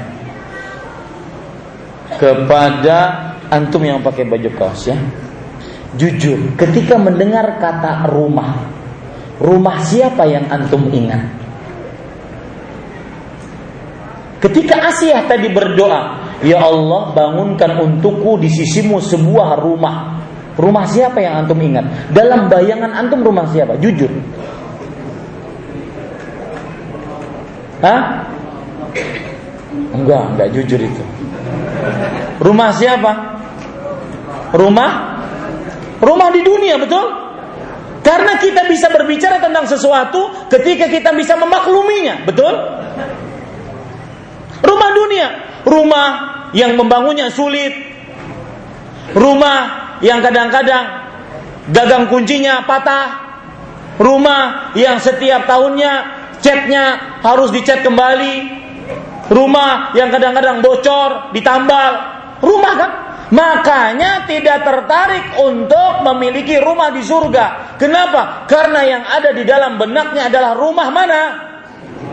Dunia penuh dengan ketidaksempurnaan, kesulitan, penuh dengan ketidakkekalan. Nah, makanya coba lihat faidah dari Abdullah bin Abbas. Beliau mengatakan la yusbihu la yushbihu syai'un fid dunya mimma fil jannah illal asma.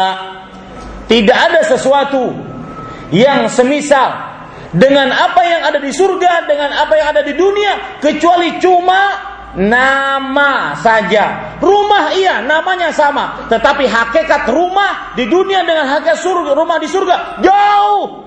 Bayangkan antum ini keramik yang antum duduki, kalau itu dia dijadikan dinding, labinatun min zahab wa labinatun min fiddah. Keramik satu dari emas, satu perak, satu emas, satu perak, satu emas, satu perak. Bisa membayangkan? Nggak bisa. Karena memang surga tidak bisa dibayangkan. Disebutkan dalam hadis Rasul riwayat Imam Ibnu Majah, wa annal jannata la khatara laha, surga tidak bisa terbetik di dalam hati. Ya. Ini yang membuat seseorang kadang-kadang malas untuk bangun untuk ber, e, membangun masjid. Untuk bersedekah membangun masjid, malas dia. Kenapa? Padahal Allah taala menjanjikan sebuah rumah di surga. Alhamdulillah. Padahal Allah Subhanahu wa taala telah menjanjikan sebuah rumah dia di surga. Man bana lillahi baita, man bana lillahi masjidan walau kamafhas qatatin au asghara bana Allahu lahu baitan fil jannah. Siapa yang membangun untuk Allah sebuah masjid walaupun kecil, sekecil angkerman burung atau lebih kecil darinya, maka niscaya Allah akan bangunkan dia rumah di surga. Enggak tertarik. Kenapa? Karena yang ada dalam bayangannya rumah dunia. Bayangkan antum rumah surga. Aisyah radhiyallahu anha diberikan kabar gembira oleh Jibril alaihissalam mendapatkan rumah di surga. Wa basyirha bi baitin fil jannah min qasab la sakhaba fihi wala nasab. Dan berikan kabar gembira kepada Khadijah, bukan Aisyah ya, Khadijah. Sebuah rumah di surga yang terbuat dari bambu. Wah, Ustaz bambu. Lihat kata-kata bambu. Antum ingat mana? Dunia pasti. Hah, rumah dunia, rumah bambu yang kalau seandainya hidup di dalamnya krak-krek, gaduh, kemudian sulit hidupnya. Ternyata bukan bambu sembarangan, min qasabin la sahaba fihi wala nasab terbuat dari bambu berlian. Bisa dibayangkan? Ustadz berlian sekali-kali hidup saya nggak pernah lihat. Gimana ini rumah bambu berlian? Subhanallah, rugi pak yang jual surga. Saya kalau tidak salah ada judul kajian saya para penjual surga. Ini contoh-contohnya. Para penjual surga rugi mendapatkan nikmat dunia yang karakteristiknya. Karakteristik dunia itu tidak lebih daripada satu sedikit. Sebanyak apa pun harta orang pasti sedikit. Tadi pagi saya sebutkan di Banjarmasin itu pak ada rumah tingkat lima. Rumah tinggal. Kemudian ada kadang-kadang rumah di Banjarmasin bos-bos. Mungkin batu bara itu. Ya ada rumah lebarnya setengah kilometer Saya pernah ke Brunei, diundang oleh kawan-kawan kajian di sana. Saya sudah tahu pasti mereka akan memperlihatkan keindahan Brunei. Saya ingin menghinakan dunia. Jadi menganggap ah biarin. Gitu ya. Ingin menghinakan dunia. Ustaz, afwan Ustaz, itu istana. Oh iya. Begitu saja saya. Oh iya. Biar nggak terlalu heboh. Ah, gitu. Oh ya. Ustaz, afwan, itu istana di dalamnya ada 2000 kamar. Baru saya, nggak bisa, eh. hanya dihilangkan nggak bisa. 2000 kamar itu sapunya berapa? Allah. Tapi sebesar itu Allah menyebutnya numatti'uhum qalilan kami berikan nikmat kepada mereka dunia sedikit. Itu ciri karakteristik dunia, sedikit. Satu. Yang kedua, sulit didapat. Sulit. Ente mau es kelapa kalau seandainya nggak ada yang jualan es kelapa, kata pedagang es kelapa, kami asosiasi pedagang es kelapa menyatakan resign, berhenti jualan es kelapa. Kaum muslimin yang ingin minum ingin ingin minum es kelapa, manjat sendiri sana. Sulit. Istri dapat sulit. Sebagaimana yang sudah saya ceritakan. Ya, ngelamar 22 kali baru diterima. Saya dapat istri sulit, Pak harus bertarung melawan lautan. Ah, iya betul pak, dari Banjarmasin ke Nusa Tenggara Barat sulit dapat. Itu pun alhamdulillah satu-satunya wanita yang mau jadi istri saya. Makanya saya sayang sekali sama beliau. Ini para ikhwan sulit. Sulit didapat. Itu dunia. Ciri karakteristik dunia itu sulit. Sulit didapat. Itu yang kadang-kadang orang gontok-gontokan, perang-perangan, ya, kemudian bunuh-bunuhan. Yang diperebutkan cuma itu. Sulit. Kemudian yang ketiga, ciri karakteristik dunia yaitu cepat rusak. Ente nikah sama perempuan Ustadz itu Ustadz kalau antum nikahi Oh pokoknya dunia dan seisinya sudah Ketika sudah dinikahi Biasa aja ya akhi kayaknya. Dan cepat rusak. Iya. Sudah kalau sudah beberapa tahun nikahi di sini gembrot sana, gembrot sini, cepat rusak dunia. Sedikit sulit didapat, cepat rusak. Yang ketiga, yang keempat, tidak sempurna.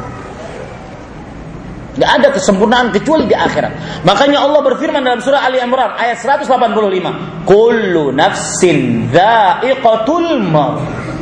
Setiap yang bernyawa merasakan kematian. Wa innama tuwaffawna ujurakum qiyamah. Dan sesungguhnya pahala kalian hanya diberikan secara sempurna kapan? Hari kiamat. Ada kesempurnaan di dunia. Seindah semewah apa pun orang memiliki rumah. Semegah apa pun mobilnya, tidak ada kesempurnaan. Maka para ikhwan yang dirahmati oleh Allah Subhanahu wa taala, kembali kita ke permasalahan rumah tadi. Jadi pahami surga seperti itu. Dengan kaedah dari Abdullah bin Abbas, habrul ummah, ulamanya umat Islam, turjumanul Quran, ahli tafsir dari generasi sahabat.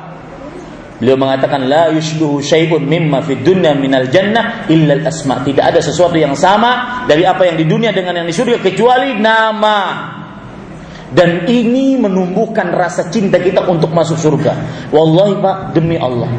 Kadang orang bermaksiat. Kadang orang terperosok ke dalam meninggalkan kewajiban, mengerjakan larangan. Salah satu penyebabnya adalah dia dilupakan oleh iblis tentang surga.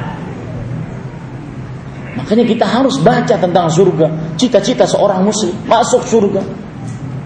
Baik. Sekarang para ikhwah yang dirahmati oleh Allah Subhanahu wa taala, kita masuk kepada apa yang ingin saya sampaikan dari permasalahan keluarga.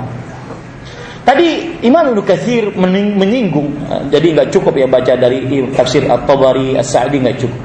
Nanti silakan Ustaz yang lain membaca tafsirannya. Saya ingin masuk kepada pembicaraan tentang uh, hubungan suami istri. Tadi Imam Ibnu Katsir menyebutkan bahwasanya uh, ma darra imra'atuhu kufra zawjiha. Artinya Asia istri Firaun tidak berbahaya meskipun suaminya kafir. Di sini para ikhwah terdapat pelajaran tentang bagaimana suami istri membangun hubungan di atas ketakwaan. Maka itu syarat paling utama agar mendapatkan sakinah, mawaddah dan rahmah. Ya. Syarat ketakwaan, syarat utama untuk mendapatkan rasa tenang, bahagia, cinta, kasih sayang takwa. Kita akan jelaskan sekarang. Ya. Saya akan menjelaskan hak-hak suami istri secara bersamaan.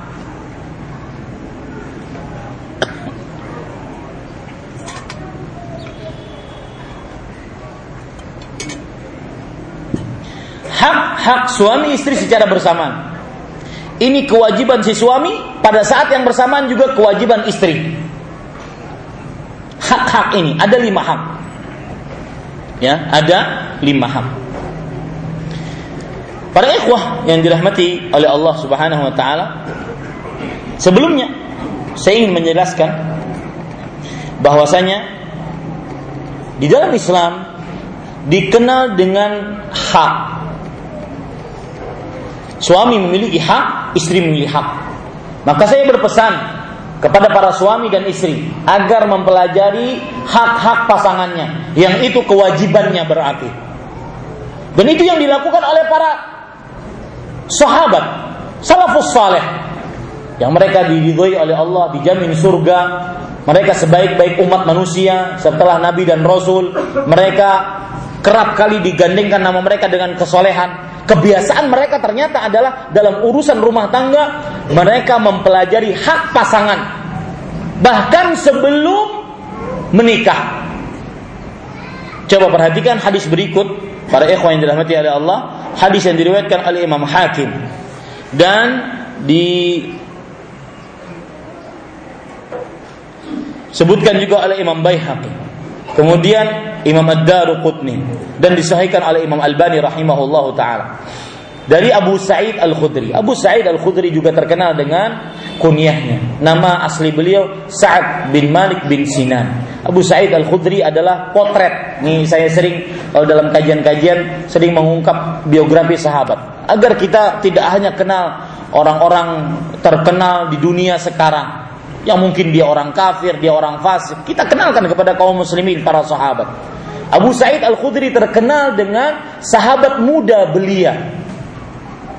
Ya, sahabat muda belia tetapi ahli ilmu. Di sini pelajaran menarik bagi para anak muda. Isi waktumu dek dengan ilmu agama. Abu Sa'id Al-Khudri di masa beliau masih hidup, Nabi Muhammad SAW meninggal, umur beliau hanya sekitar 20-an tahun dan beliau sudah menjadi mufti ahli Madinah ahli fatwa kota Madinah termasuk minal mukthirina fil hadis termasuk daripada orang sahabat yang muda yang banyak meriwayatkan hadis Rasul sallallahu alaihi wasallam. Jangan bosan untuk belajar ya. Jangan bosan untuk belajar. Dan dengan belajar kita juga berusaha. Dunianya nanti akan datang. Usaha dunia iya, tetapi difokuskan juga belajar agama. Abu Sa'id Al-Khudri bercerita, "Ata rajulun bimnatihi ila Rasulillah sallallahu alaihi wasallam." Pernah seseorang datang kepada Rasul sallallahu alaihi wasallam, kemudian beliau berkata, "Inna bnati hadhi abad an tatazawwaj." Wahai Rasulullah, istri eh, anak perempuanku ini enggan untuk menikah. Tolong nasihati. Maka Rasul Shallallahu Alaihi Wasallam bersabda, "Ati'i abak." Wahai anak perempuan, taati bapakmu, menikahlah. Di sini pelajaran menarik bahwasanya apabila ada urusan rumah tangga, maka jangan sampai curhat kecuali kepada ahli agama. Jangan sampai cari solusi permasalahan rumah tangga kecuali kepada ahli agama. Anda tidak akan dapatkan solusi terbaik kecuali dari ayat Al-Quran, hadis Rasul yang itu dimiliki oleh ahli agama. Tetapi curhat kepada ahli agama pun diperhatikan. Jangan terlalu berlebihan, terutama para akhwat, saudari-saudari muslimah. Curhat kadang-kadang kepada ustadz, ustadz juga bu manusia. Ada orang pernah curhat lewat email. Ustaz, Assalamualaikum, nama saya Fulana, binti Fulan, saya umurnya sekian, tinggi sekian, kemudian saya sekarang sudah sekolah sekian, kemudian saya begini-begini, saya ingin mencari seorang suami. Tolong carikan Ustaz. Kalau bisa kayak Ustaz. Gimana tidak berdebar-debar? Ya, Ustaz juga manusia. Jaga hati mereka. Tanyakan sesuai dengan apa yang diperlukan untuk ditanyakan. Ya. Baik, para ikhwan yang dirahmati oleh Allah Subhanahu wa taala. Maka ati abaki kata Rasul sallallahu alaihi wasallam. Taati bapakmu. Faqalat lalu sang perempuan tersebut berkata menanggapi perintah Rasulullah sallallahu alaihi wasallam. "Wallazi ba'atsaka bil haqq la atazawwaju hatta tukhbirani ma haqq az-zawj ala zawjatihi." Demi yang mengutusmu dengan kebenaran, wahai Rasulullah. Aku tidak akan pernah menikah sampai engkau memberitahukan kepadaku apa hak suami atas istrinya. Lihat, ini kebiasaan orang salafus saleh. Pelajari ini. Suami mempelajari hak istrinya, istri mempelajari hak suaminya. Dengan seperti ini akhirnya kita tahu kewajiban-kewajiban kita. Kalau sudah tahu kewajiban kita, kita akan kerjakan, maka kita akan dapat hak kita. Ini para ikhwan dirahmati Allah. Lalu Rasul SAW menjawab, hakuz zauj ala zaujatih an law kanat bihi qarhatun falahasatha aw intathara min kharahu sadidan aw daman thumma btala'tu ma addat haqqahu. Hak suami terhadap istri. Lihat para istri, saudariku muslimah. Ini hak suamimu. Kalau seandainya suamimu mempunyai luka, lalu dia jilat atau mempunyai nanah ataupun darah, lalu dia isap dan dia telan, maka belum selesai dia menunaikan sebenarnya hak suaminya saking besarnya hak suami. Sampai seperti ini. Ini para ikhwan yang dirahmati oleh Allah Subhanahu wa taala. Ini hadis sahih. Kemudian para ikhwan yang dirahmati oleh Allah sekarang kita masuk kepada hak bersama yang dimiliki oleh pasangan suami istri. Perhatikan baik-baik Bapak Ibu saudara-saudari yang dimuliakan oleh Allah Subhanahu wa taala seorang suami dan istri hendaknya mereka saling sering-sering memaafkan di antara pasangan. Sering-sering memaafkan di antara sesama. Karena pasanganmu adalah makhluk yang sering melakukan kesalahan. Rasulullah Shallallahu Alaihi Wasallam bersabda dalam hadis yang diriwayatkan oleh Imam Tirmidzi, "Kullu bani Adam khata wa khairul khata'in tawwabun." Setiap anak manusia adalah orang-orang yang selalu melakukan kesalahan. Selalu. Di situ khata sirah mubalaghah. Bukan hanya sekedar mukhti. Orang yang melakukan kesalahan tidak, tetapi khata, orang yang selalu melakukan kesalahan. Ya, selalu melakukan kesalahan. Maka sebaik-baik orang yang selalu melakukan kesalahan adalah orang yang selalu bertaubat kepada Allah Subhanahu wa taala. Begitulah istri dan suami Anda. Suami Anda bukan malaikat, istri Anda bukan bidadari. Tidak pernah mengerjakan kesalahan, tidak. Pasti ada kesalahannya. Maka sering-sering memaafkan kesalahan pasangan. Coba perhatikan syair berikut. Idza kunta fi kullil umuri mu'atiban sadiqaka lam talqa alladhi la fa'ish wahidan aw sil akhaka fa innahu muqarifu dhanbin marratan wa jika engkau di setiap perkara selalu mencela kawanmu, pasanganmu, maka engkau tidak akan pernah dapati seseorang yang tidak pernah engkau cela. Kalau ingin seperti itu, mendapati seseorang yang tidak pernah engkau cela, tidak pernah melakukan kesalahan, fa'ish wahidan. Kalau begitu, hidup sendirian sana.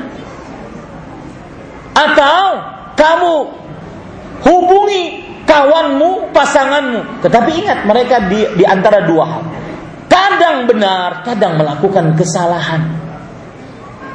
Maka sering-sering memaafkan di antara pasangan. Terutama para suami saya pesankan. Para ikhwan yang dirahmati oleh Allah. Karena hadis Rasul Shallallahu Alaihi Wasallam, Beliau bersabda, "La yafruq mu'minun mu'minah in kariha minha khuluqan radhiya minha akhar." Hadis riwayat Muslim. Dan ini diberikan kepada para suami, redaksinya kepada para suami. Seorang suami tidak membenci seorang istri yang beriman jika dia membenci sesuatu dari istrinya yang beriman semoga Allah membuat di dalam diri istrinya yang beriman sesuatu yang diridhoi oleh suaminya. Artinya, mungkin istri melakukan kesalahan satu, tapi kebaikannya banyak. Ya, mungkin istri melakukan satu kesalahan, tapi kebaikannya banyak. Seorang pernah curhat kepada saya, Ustaz, saya ingin curhat, silahkan Pak. Uh, saya tidak mencela istri saya, Ustaz. Istri saya, subhanallah, masya Allah luar biasa. Tapi cuma satu kekurangannya. Nah, cumanya ini bermasalah. Satu kekurangannya apa? Kurang romantis Ustaz. Loh, antum tahu istri antum eh, tidak romantis dari mana? Oh, saya pengen kayak seperti di film-film. Satu, itu salah, itu maksiat. Dan saya pesan kepada para suami, jangan jadi pengkhianat cinta. Siapa itu pengkhianat cinta? Laki-laki yang suka memandangi wanita-wanita yang bukan mahramnya. Sebesar pandangan Anda kepada wanita-wanita yang diharamkan, sebesar itu pula Allah akan mencabut lezatnya melihat istri Anda yang halal untuk Anda. Hati-hati. Ya. Ya jelas gimana tidak tercabut. Lawang yang dilihat di televisi ataupun di gadget cantik-cantik, sekali bergerak ada yang menyeka keringatnya, membetulkan rambutnya, membetulkan bulu mata samudranya. Ya, ada yang membetulkan cantik terlihat oleh mata.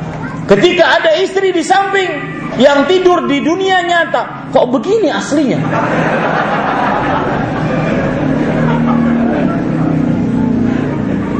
Tidurnya menganga, ngorok, ilran, Kemudian sebagian perempuan juga kalau tidur tidak dandan kepada e, di hadapan suaminya, seasalnya berdandan, pakai roll sana, roll sini, roll sana, kemudian pakai masker, kelihatan cuma matanya dong. E, gimana istri suami mau senang?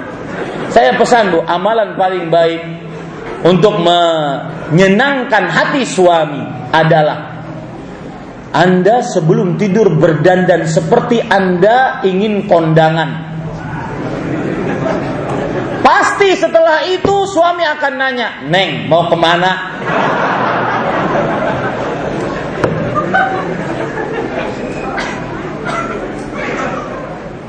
Karena nggak pernah sebelumnya. Bagi yang sudah biasa itu pemandangan setiap malam berdandan sebagaimana dia ingin keluar rumah dalam kondangan. Ini para ikhwan yang dirahmati oleh Allah Subhanahu wa taala. Sampai setengah dua belas subhanallah. Kejam panitia ini. Baik, para ikhwan dan saya pesan, suamilah yang dituntut satu lebih penyabar, lebih ramah, lebih dewasa.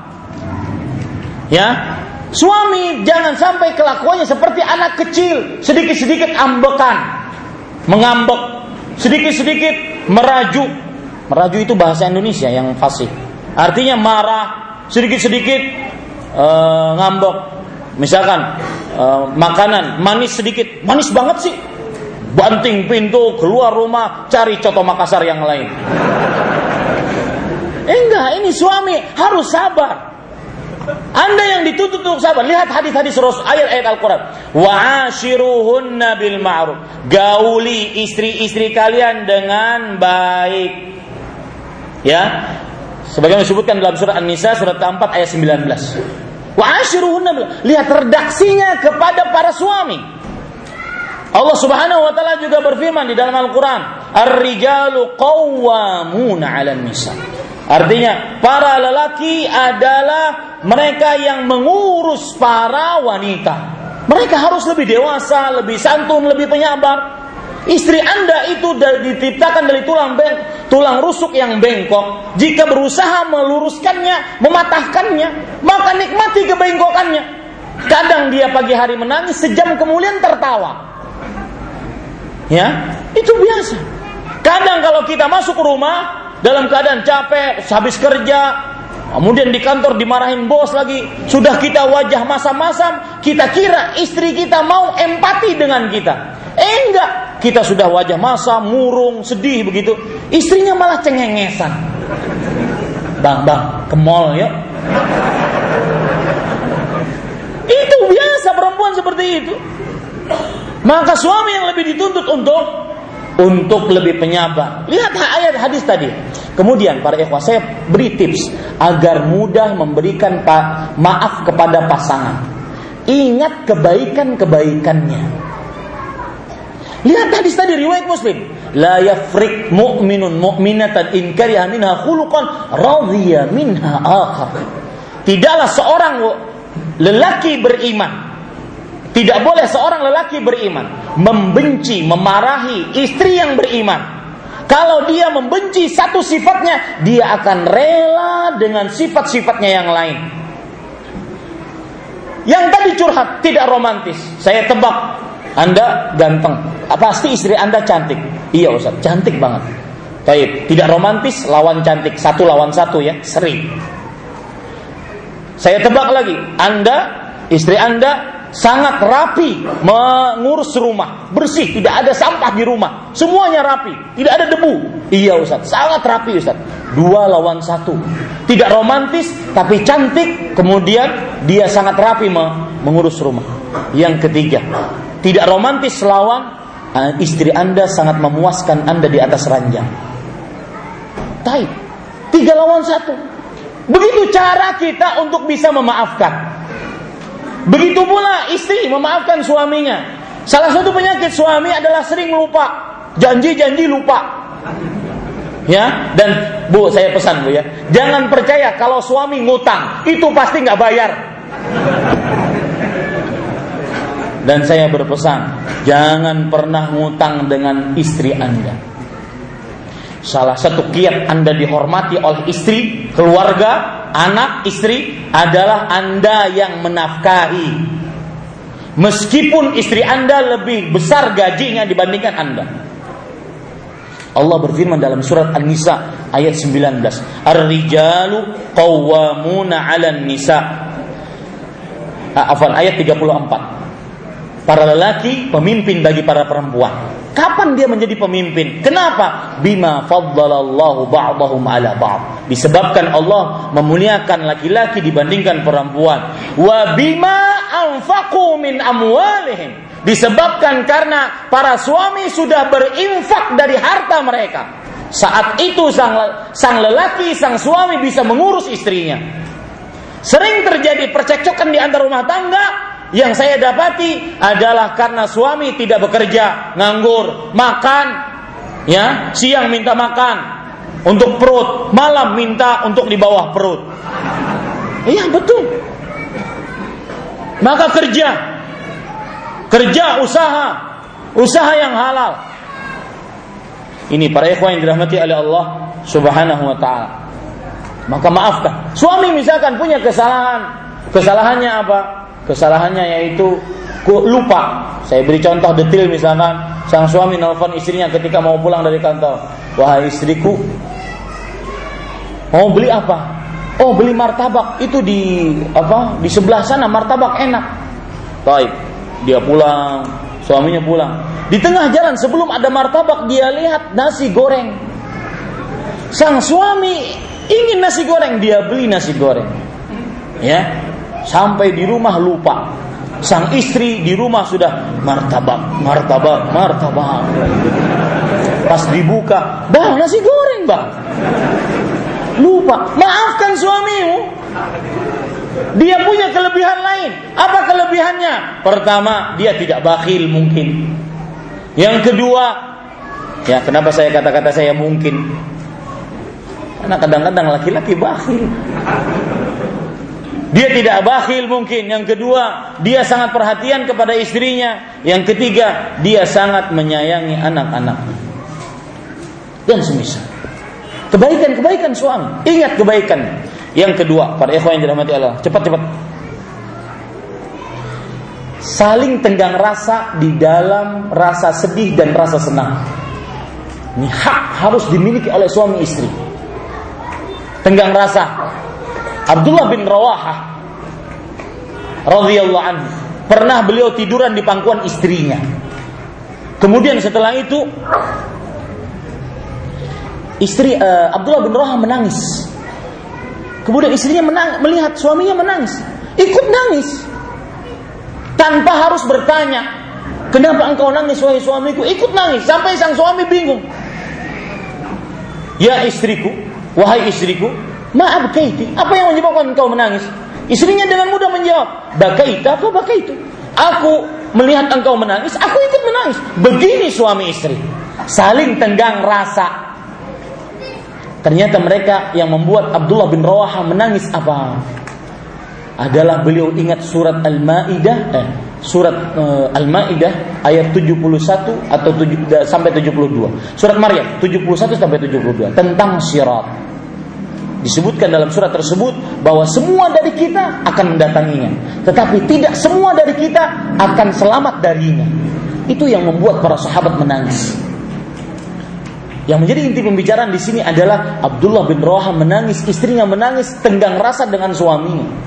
Anda ketika pulang dari kantor, Anda tidak disambut oleh istri, istri Anda tidur di sana, kemudian rumah berantakan. Cari tenggang rasa, cari alasan agar bisa memaafkan istri. Contoh, oh mungkin dia sakit, mungkin dia capek, mungkin dia ini, mungkin dia cari alasan agar bisa memaafkan istri. Tadi yang tadi yang lupa tadi bawa martabak. Cari alasan.